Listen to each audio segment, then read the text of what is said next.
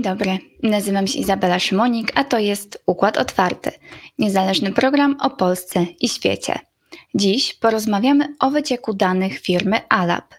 Jak do niego doszło, co możemy zrobić, jeśli wyciekły nasze dane oraz jak możemy chronić swoje dane w sieci. O tym dzisiejszej rozmowie. Dziękujemy wszystkim patronom oraz mecenasom, którzy wspierają Układ Otwarty. Jeśli ktoś z Państwa chciałby wesprzeć naszą pracę, zachęcamy do odwiedzenia naszego profilu na Patronite. Link do niego znajduje się w opisie. A teraz łączę się z naszym gościem i zapraszam na rozmowę. A oto mecenasi Układu Otwartego. Steki.pl to rodzinny sklep internetowy z polską wołowiną premium, bezpośrednio od producenta. Zamów na święta z dostawą na terenie całej Polski. Kto wygra wielką grę mocarstw? Dokąd zaprowadzi nas rozwój sztucznej inteligencji? Zapisz się na XTB Investing Masterclass, bezpłatną konferencję online. Link pod nagraniem. E2V. Firma, która zajmuje się sprzedażą zielonej energii w standardzie ESG.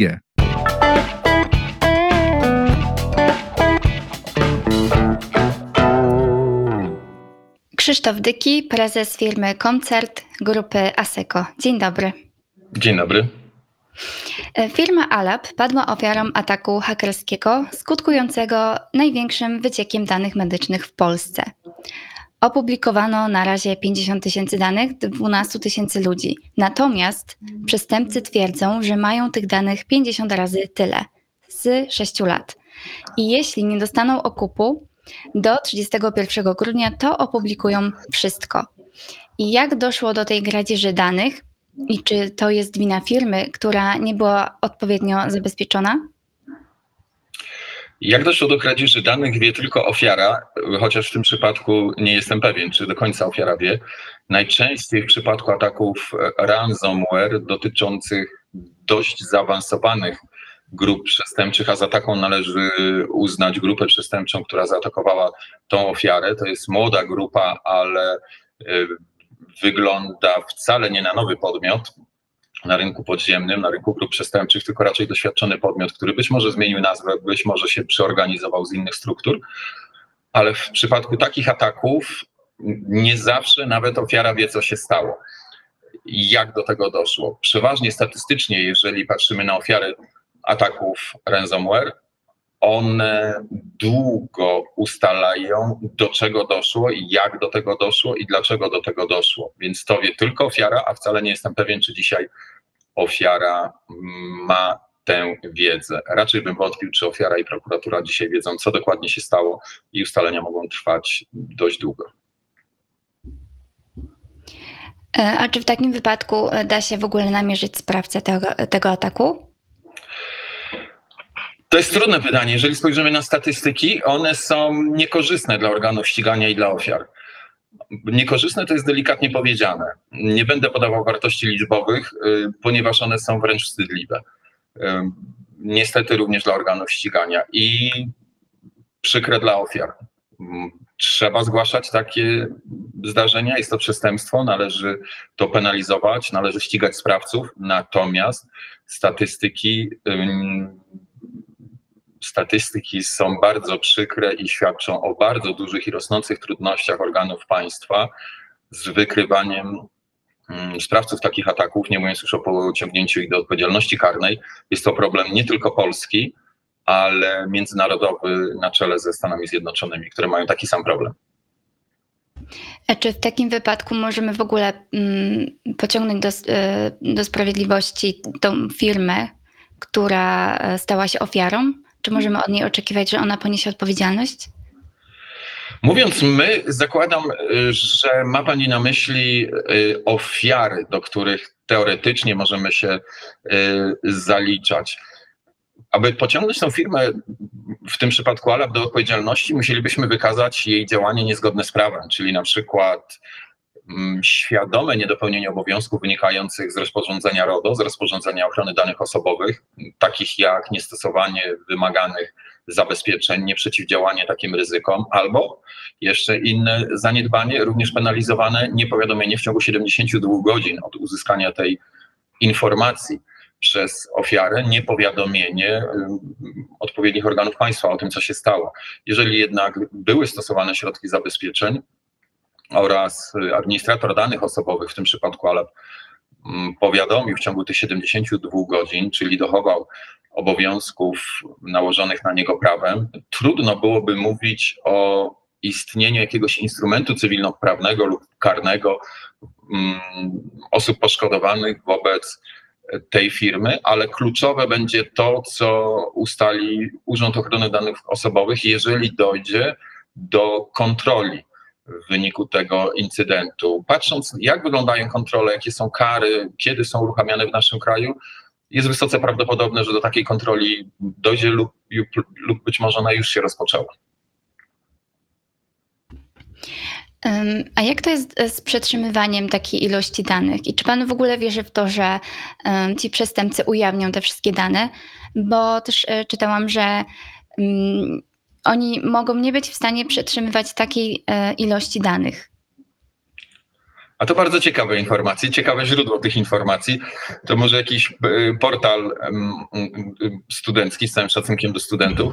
E, przestępcy nie tylko potrafią profesjonalnie przechowywać takie dane, ale i tysiąc, a jeżeli będzie trzeba, to i dosłownie milion razy większe. To jeżeli spojrzymy na technologię, która została wykorzystana do, do tego ataku, czyli rodzinę oprogramowania, tak się o tym mówi w naszym żargonie, rodzinę oprogramowania złośliwego babuk, to jest to zaawansowane oprogramowanie. Nie jest to najnowocześniejsze na świecie, ale jest to grupa zaawansowanej technologii służącej do infekcji i kradzieży plików.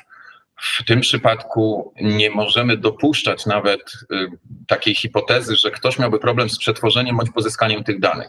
Grupy tej klasy i technologie tej klasy, grupy przestępcze tej klasy i technologie, którymi się posługują, potrafią sobie radzić nie tylko z tysiącami rekordów, czyli zapisów, ale i milionami. To bardzo szybko.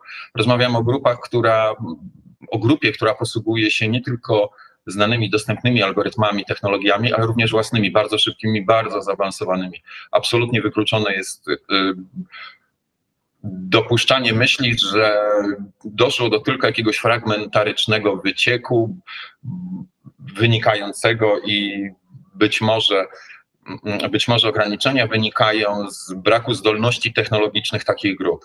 takie grupy mają potężne zdolności technologiczne i dysponują dużymi milionami dolarów na potrzeby swojej infrastruktury i technologii, aby poradzić sobie z, z pozyskaniem i zabezpieczeniem praktycznych danych praktycznie z każdej organizacji. Czyli jeżeli wyobrazimy sobie jakąkolwiek organizację kliencką, nieważne czy ona ma 100 tysięcy czy milion klientów, to tej klasy grupa i tej klasy technologia, którą się posługuje, bez problemu te dane nie tylko pozyska, ale zabezpieczy i będzie w stanie przetwarzać. Oczywiście w skrajnym przypadku niekorzystnym dla administratora danych, ofiary, a być może y, y, również mm, ofiar, czyli pacjentów, może dojść do takiego, do takiego wycieku. Tej klasy grupy przestępcze to nie są grupy, które nie wiedzą, co robią, robią to po raz pierwszy, nie wiedzą, jak działać. Nie, to są, to są profesjonaliści i tak jak podkreślałem na początku,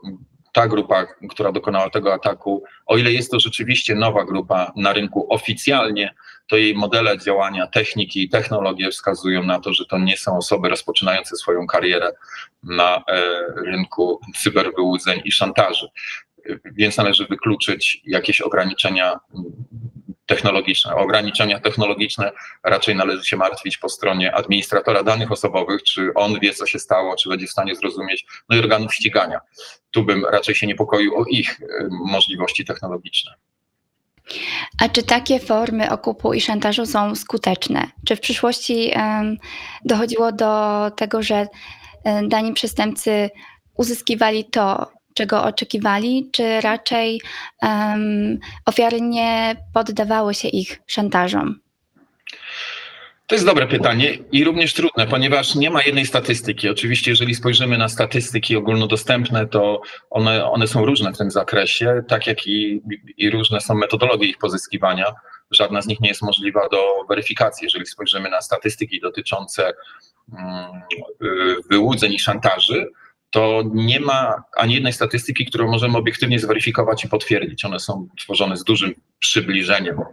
Natomiast tak, nierzadko dochodzi do sytuacji, w której ofiara nawiązuje kontakt z przestępcą celem negocjacji i najczęściej odzyskania sprawności swojej infrastruktury. Chociaż nierzadko zdarza się tak, że pomimo odzyskania sprawności swoich usług, infrastruktury, zdarza się, że ofiara kontaktu, kontaktuje się z mm, szantażującym, aby porozmawiać o okupie, również go zapłacić w celu niedopuszczenia do ujawnienia informacji tych, które o, lub o samym ataku, lub danych, które wykradziono. Bo kiedyś ransomware polegał na tym, że szyfrowano nam dane i płaciliśmy za to, mówię płaciliśmy jako ogół ludzi, nigdy nie my, płaciło się za to, że odzyskiwaliśmy dostęp do naszych danych szyfrowanych, ale później firmy informatyczne zaczęły inwestować w kopie bezpieczeństwa, organizacje, instytucje,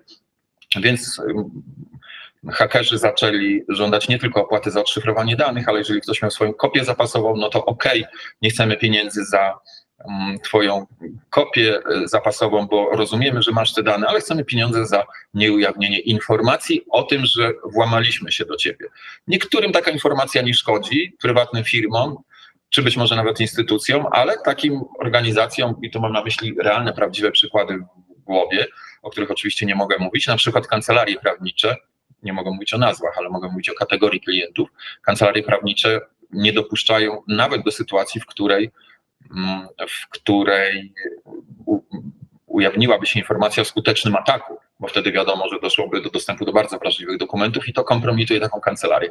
Ale nawet jeżeli ktoś odważy się na to i powie, OK, mi nie szkodzi ta informacja o tym, że mnie zaatakowałeś, ujawni tę informację, to te trzecie stadium, od, od kilku lat obserwowane, bardzo duża dynamika wzrostu tej brutalizacji działań przestępców. To jest stadium, w którym przestępcy mówią: OK, masz kopię zapasową, nie boisz się informacji o tym, że zostałeś zaatakowany, to zapłać nam za to, że nie opublikujemy danych Twoich klientów, pracowników lub Twoich. W tym przypadku Alaba ten szantaż mógłby polegać na tym, że nie publikujemy danych pacjentów.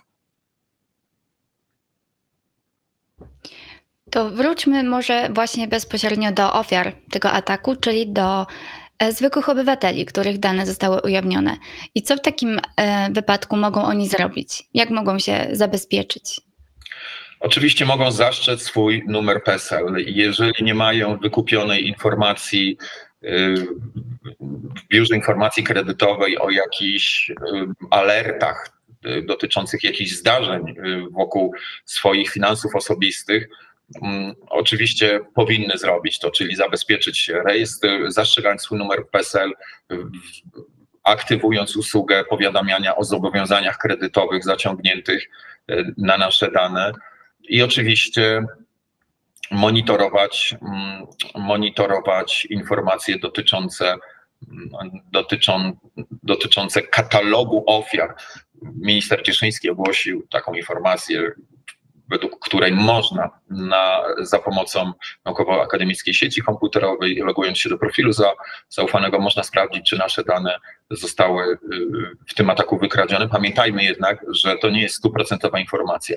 To są y, informacje zaczerpywane z jakichś po, zasobów tak zwanego undergroundu, czyli, czyli podziemia. One mogą być y, kompletne, ale nie muszą być kompletne. To jeżeli ktoś siebie nie znajdzie w bazie danych o której mówię, o której można sprawdzić, czy nasze dane znajdują się w tym rejestrze, brak informacji o nas nie oznacza, że te dane nie wyciekły, tylko że danych, które posłużyły państwu do stworzenia takiego rejestru, tych danych nie było.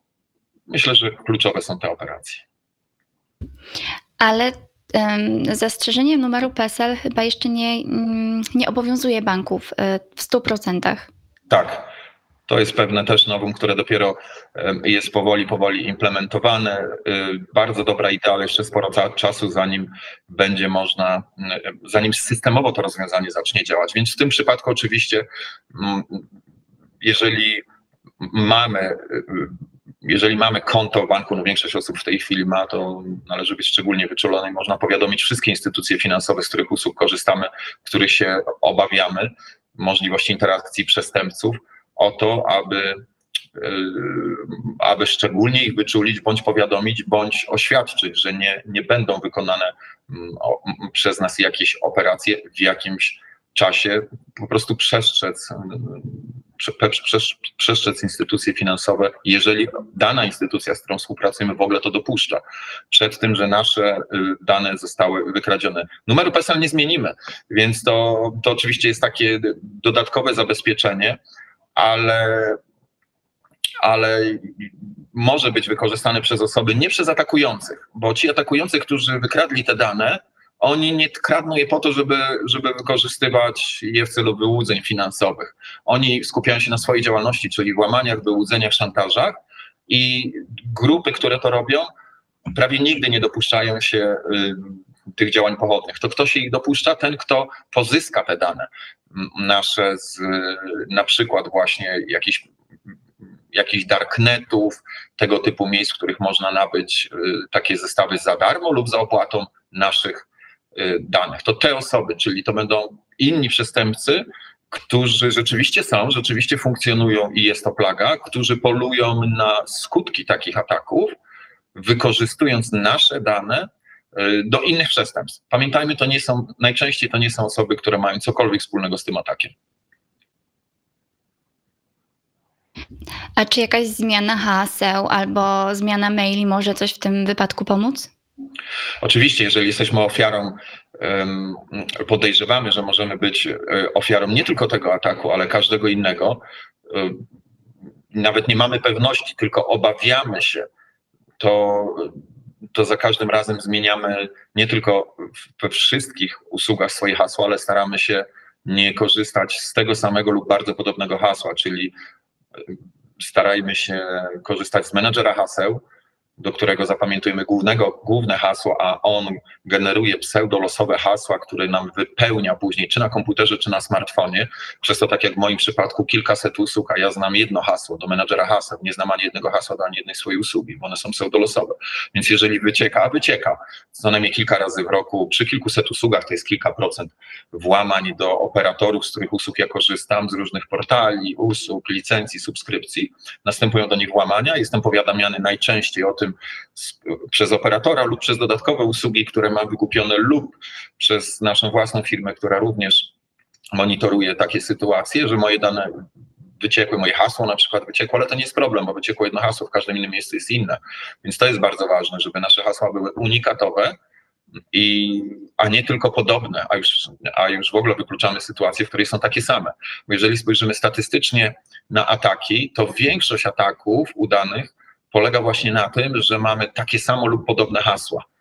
Czyli jeżeli mamy kotek 17, to przestępcy hasło, to przestępcy spróbują od kotek bez liczby do kotek kilkaset.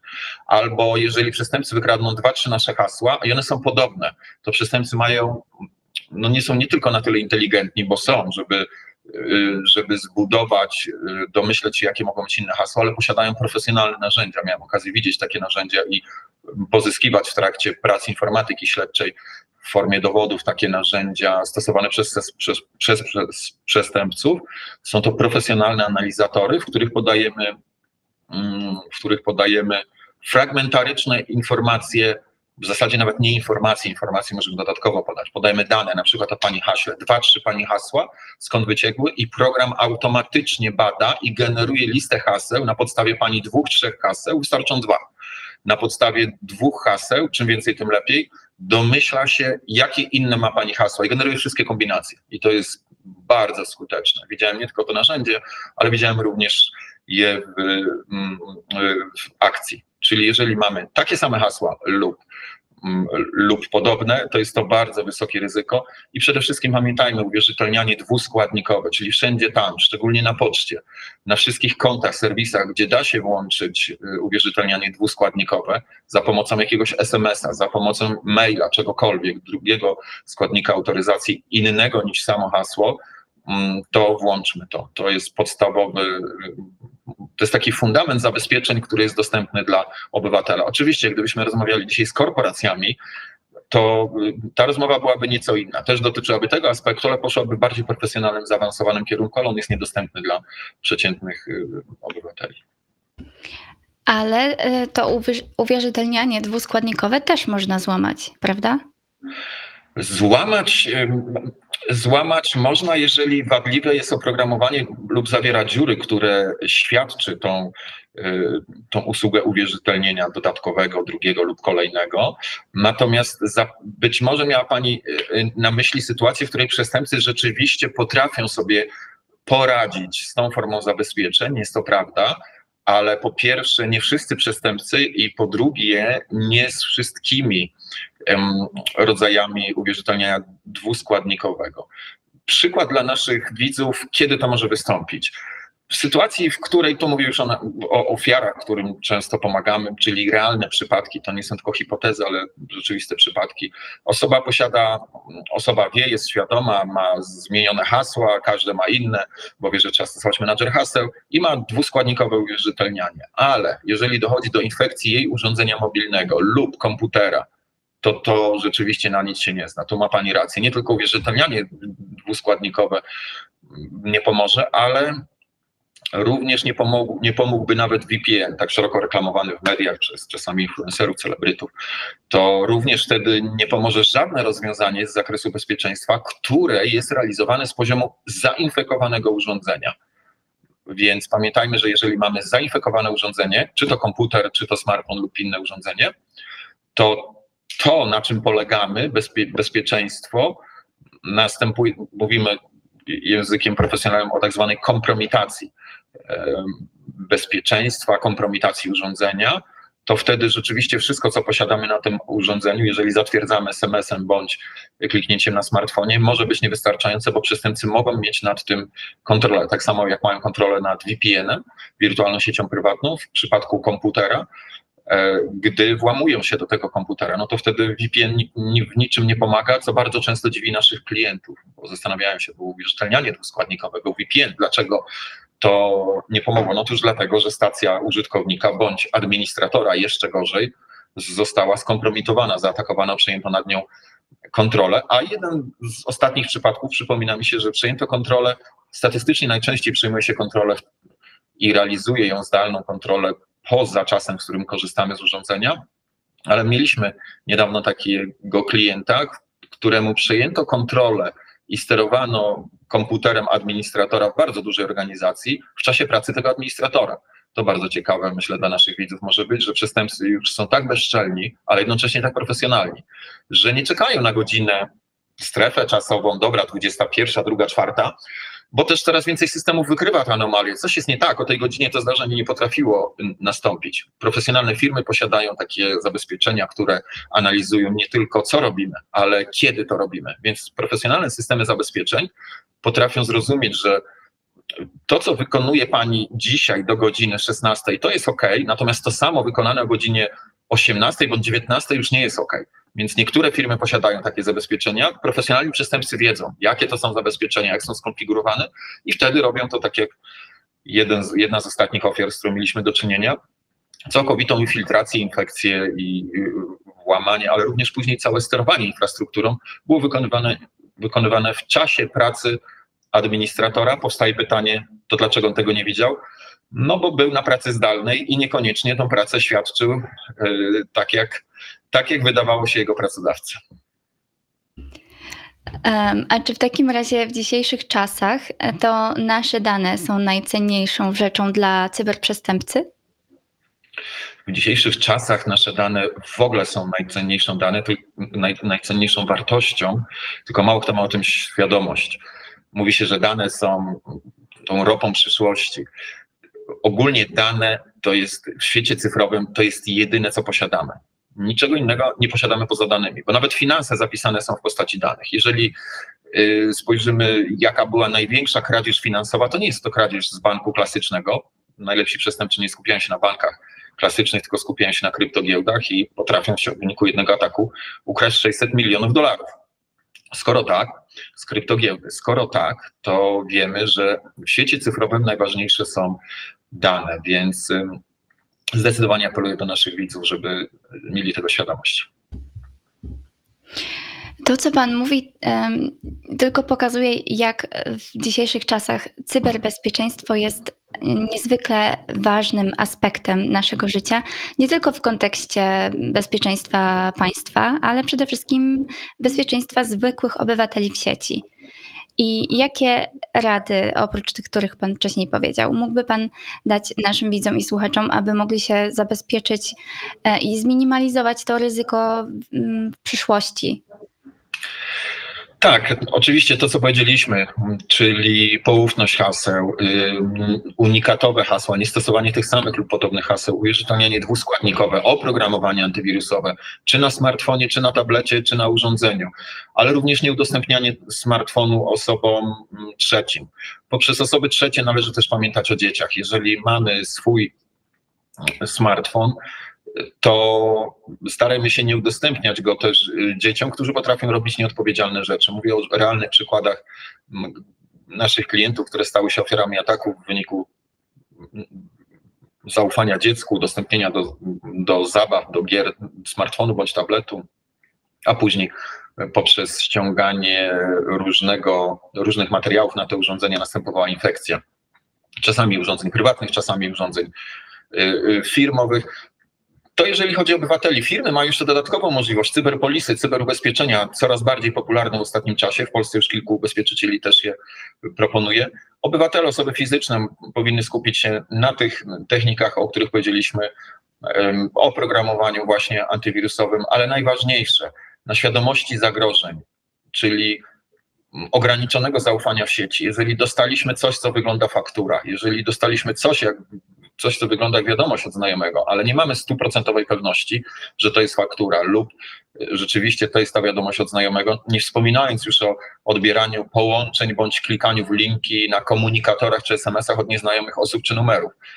Ja osobiście stosuję taką zasadę, że w żaden sposób nie, nie klikam y, w nic, co nie pochodzi od osoby, którą mam wpisaną w książce adresowej, a jeżeli nawet pochodzi to od osoby, którą mam wpisane, to i tak nie klikam, jeżeli nie muszę, Y, ponieważ ta osoba może mi przekazać coś, co w jej ocenie będzie zabawne, śmieszne bądź ciekawe, ale będzie y, pochodziło z obszaru, który w mojej ocenie może być niebezpieczny, czyli jakieś dziwne portale, fora, mm, które mogą zawierać mm, nieautoryzowane treści, czasami niebezpieczne, albo wręcz w skrajnych przypadkach mm, nielegalne. Bardzo często źródłem infekcji e, naszych klientów są ofiary, które pobierały nielegalne oprogramowanie, nielegalną muzykę, nielegalne filmy, więc unikanie tego typu obszarów to jest najczęściej źródło, masowe źródło infekcji, jeżeli chodzi o nielegalne oprogramowanie, nielegalne mate- materiały. Kiedyś, jeszcze jak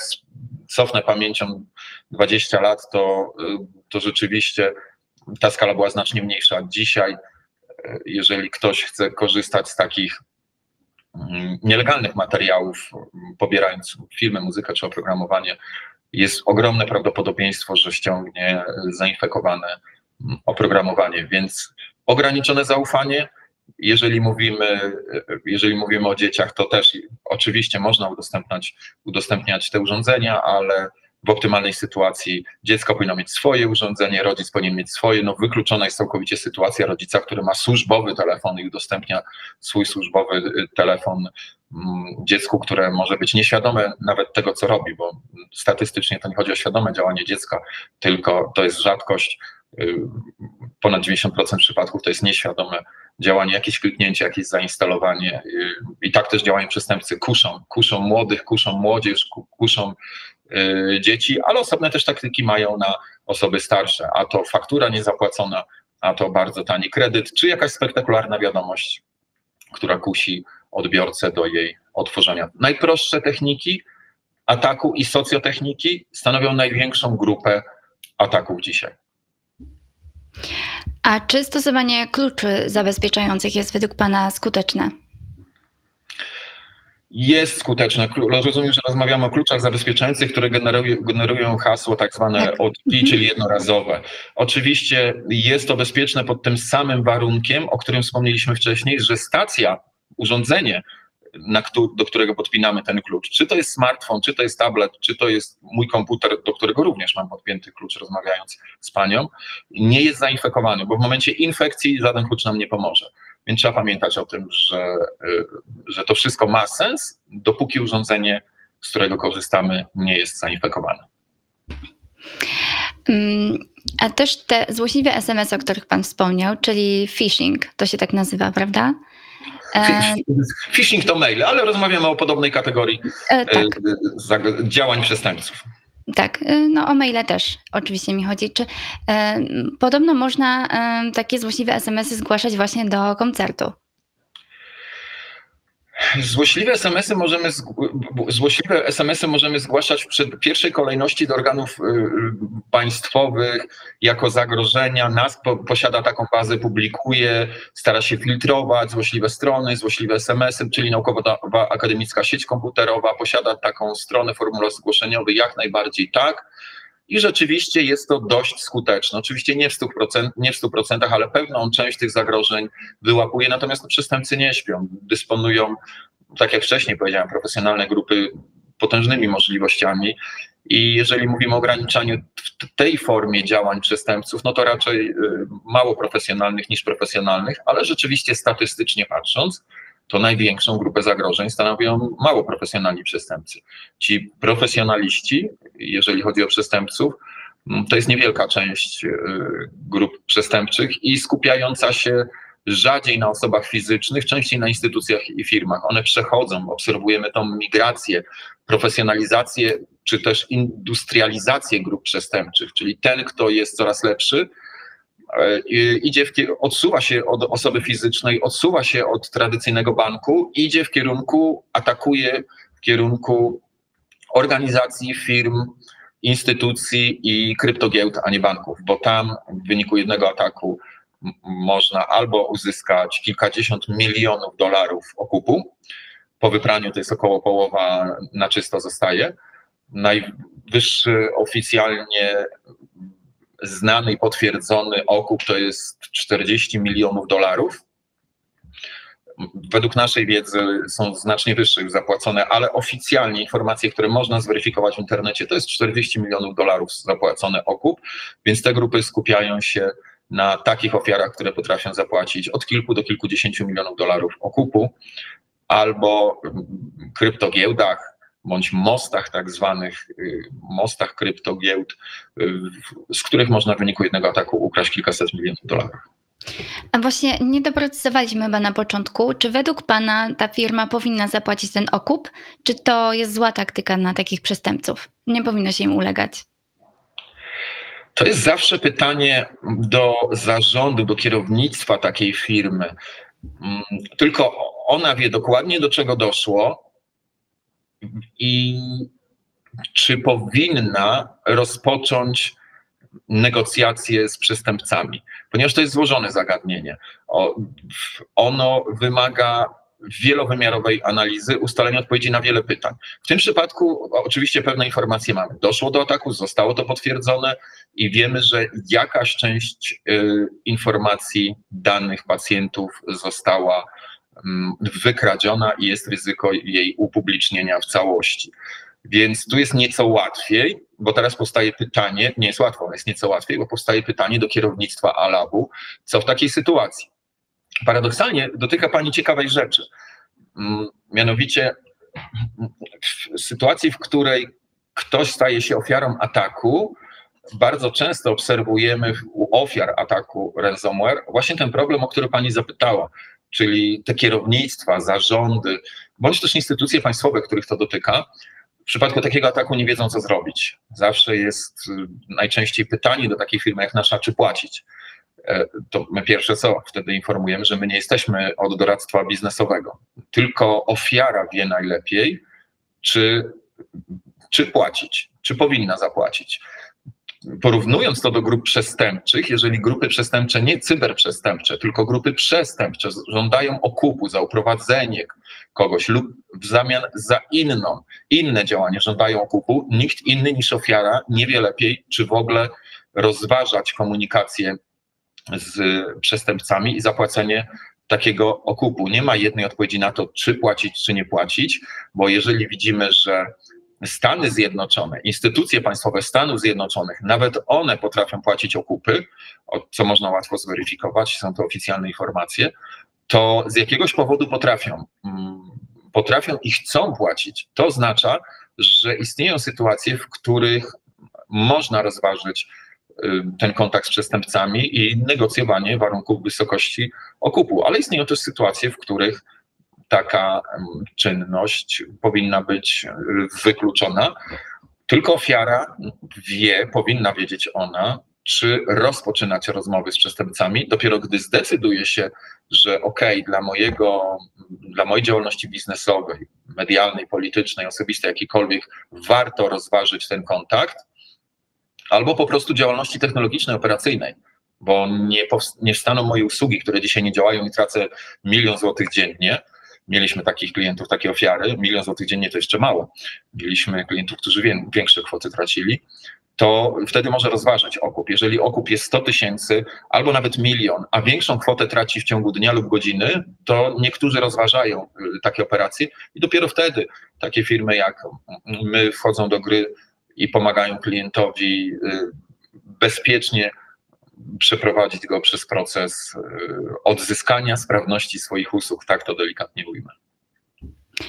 To na koniec e, chciałam Pana zapytać, czego możemy oczekiwać, e, spodziewać się w przyszłości? Czy takich ataków będzie więcej? Czy może będą miały jakieś inne, bardziej skuteczne formy? Przede wszystkim widzimy rozwój, dostrzegamy rozwój sztucznej inteligencji. Firmy e, cyberbezpieczeństwa, producenci cyberbezpieczeństwa, producenci technologii cyberbezpieczeństwa mówią, mamy sztuczną inteligencję, stosujemy ją w naszych produktach. I rzeczywiście to jest prawda. Rzeczywiście mają, rzeczywiście stosują. My tym również handlujemy jako koncert. Wdrażamy, sprzedajemy, to jest prawda. Ale przestępcy również mają tą technologię. Przestępcy również pracują nad własnymi technologiami sztucznej inteligencji, bo o czym mało kto wie, mało kto ma świadomość tego, że do stworzenia silnika sztucznej inteligencji, samego fundamentu wystarczy kilka, kilkunastu programistów. Mm, większość ludzi myśli, że to są setki tysiące osób. Niestety nie. Organizacja później się rozrasta do profesjonalnej skali, bardzo drogiej w utrzymaniu, ale na stworzenie silnika sztucznej inteligencji, do jego stworzenia wystarcza kilkanaście osób. Bardzo bystrych, bardzo inteligentnych, z profesjonalnymi kompetencjami i mamy silnik sztucznej inteligencji, który możemy stosować, rozwijać. Więc z jednej strony słyszymy o tym, że coraz większe ograniczenia, cenzura jest nakładana na te silniki klasyczne, zwykłe, dostępne dla nas typu ChatGPT, po Perplexity i tak dalej, te znane nam silniki sztucznej inteligencji, nakładane są ograniczenia, żeby przestępcy nie mogli wykorzystywać do tworzenia wirusów. No to jest mało poważne, bo przestępcy mają swoje silniki, nie korzystają z tych narzędzi. Mogą je badać, wzorować się, ale profesjonalni przestępcy mają swoje narzędzia i potrafią stworzyć y, swoje silniki, trenować swoje silniki, nie korzystając z tych narzędzi dostępnych na rynku. Ale to powoduje, że mamy nowy wymiar rywalizacji na rynku cyberbezpieczeństwa, mianowicie rywalizację już nie tylko technologiczną, przestępca, firma cyberbezpieczeństwa, ale sztuczna inteligencja po obu stronach. Sztuczna inteligencja pracująca na rzecz przestępców, sztuczna inteligencja pracująca na rzecz mm, cyberbezpieczeństwa. Jeżeli spojrzymy na to, jak ta historia dotychczas wyglądała, geneza, przebieg, chronologia, mm, to nie byłbym takim optymistą, bo na dziś cała historia cyberbezpieczeństwa, hackingu, crackingu wskazuje jednoznacznie, że przestępcy są o krok przed, mm, przed organami ścigania i przed producentami cyberbezpieczeństwa. To oni nadają rytm tym bardzo, tą bardzo dużą dynamiką rozwoju swoich technologii nadają rytm rozwojowi rynku cyberbezpieczeństwa, który podąża w pogoni za, za tym, co robią przestępcy.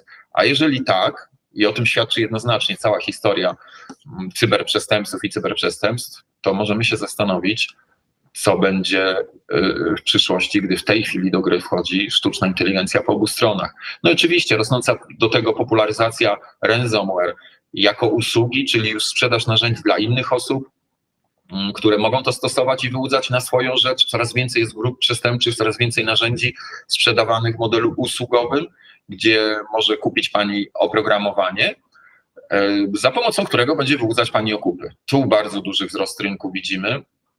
Industrializacja tej profesji o której mówimy, czyli profesjonalizm grup przestępczych, które coraz bardziej zbliżają się do profesjonalnych firm software'owych.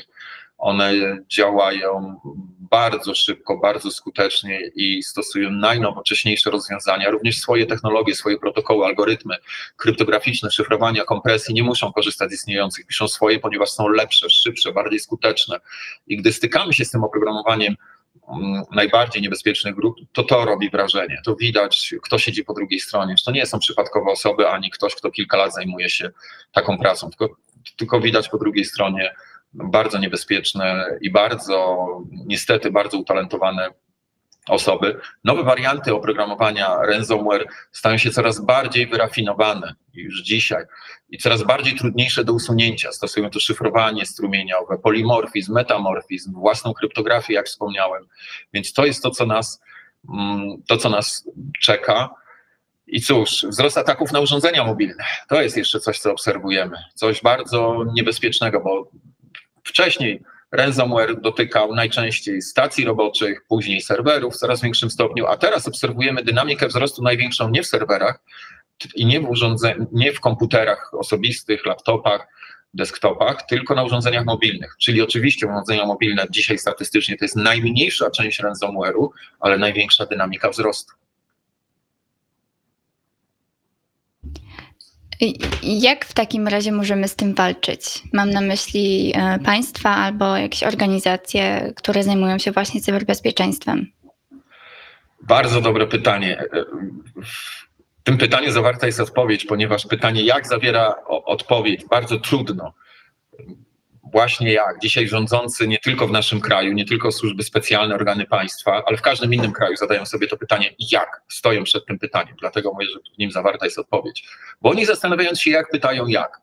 Problem jest w tym, że proszę zwrócić uwagę, powiedzieliśmy dzisiaj, że poziom kompetencji tych przestępców, jeżeli chodzi o profesjonalne grupy, jest bardzo wysoki i że rynek cyberbezpieczeństwa goni za tymi grupami, stara, stara się nadążać. Skoro tak, to wiemy, że potrzebujemy najlepszych z najlepszych, nie specjalistów, tylko najlepszych z najlepszych ekspertów, którzy będą w stanie w ogóle walczyć z tymi przestępcami. A skoro tak, to wiemy, że najlepsi z najlepszych na rynku cyberbezpieczeństwa, ich po pierwsze nie ma, bo jest ich za mało, zdecydowanie za mało. Szacuje się, że około jest 3 miliony wakatów w skali świata, ale to jest mało istotne. Te 3 miliony to jest bardziej medialna liczba statystyczna, bo realnie mówimy o tej elicie, która jest potrzebna, to jej nie ma, a jeżeli już jest ktoś naprawdę ekspertem przez duże E, to nikłe jest prawdopodobieństwo, że on będzie pracował w strukturach państwa. Prawie żadne. Z prostej przyczyny. Y, kwestie wynagrodzenia to jest jedno, atmosfera, reguły, warunki pracy. Te osoby nie tylko mają określone wymagania finansowe, bardzo wysokie, są świadomi swojej wartości, ale też mają wymagania organizacyjne co do modelu pracy, godzin pracy, formuły pracy, co jest nieakceptowalne w strukturach państwa, w żadnym państwie. Stąd każde państwo na świecie, na czele ze Stanami Zjednoczonymi, dzisiaj ma ten sam problem. Wymiar tego problemu, charakterystyka może się nieco różnić, ale problem ten dotyka każdy, każdy kraj. Oczywiście w trochę mniejszym stopniu dotyka kraje autorytarne, które bardzo szybko i błyskawicznie mogą ustalić kto robił dany atak i spacyfikować, przywołać taką grupę do porządku, bądź w dowolnej formie innej spacyfikować y, taką grupę. Nie chcę wymieniać nas tych krajów, ale łatwo się domyśleć, które po prostu autorytarne kraje mają sporą przewagę nad demokratycznymi krajami, w których trzeba powiadomić prokuraturę, rejonowa musi powiadomić okręgową, okręgowa regionalną, trzeba powiadomić prezesa ochrony Urzędu Ochrony Danych Osobowych, naukową akademicką sieć komputerową, jakąś służbę specjalną, może ABW, a może cyberpolicja, a może cyberwojsko. To w krajach demokratycznych powoduje ograniczoną skuteczność walki z przestępcami i niestety jest to i będzie wyzwanie, ponieważ jest za mało specjalistów, a nawet jeżeli ktoś w państwie znajdzie taką osobę i ją przekona, że warto pracować dla państwa, co sobie wyobrażam jako osoba, która spędziła ponad 20 lat pracując dla państwa, zanim przeszedłem na prywatny rynek, to, no to rozbije się to o zarobki i o warunki pracy i łamane na lub. Warunki, przepraszam, organizacyjne, czyli środowisko pracy. Bardzo dziękuję panu za tą rozmowę. Nie udało nam się zakończyć pozytywnym akcentem, ale mam nadzieję, że nasi widzowie i słuchacze skorzystają z Pana rad. Dziękuję uprzejmie. To tyle na dzisiaj w Układzie Otwartym. Do zobaczenia i do usłyszenia.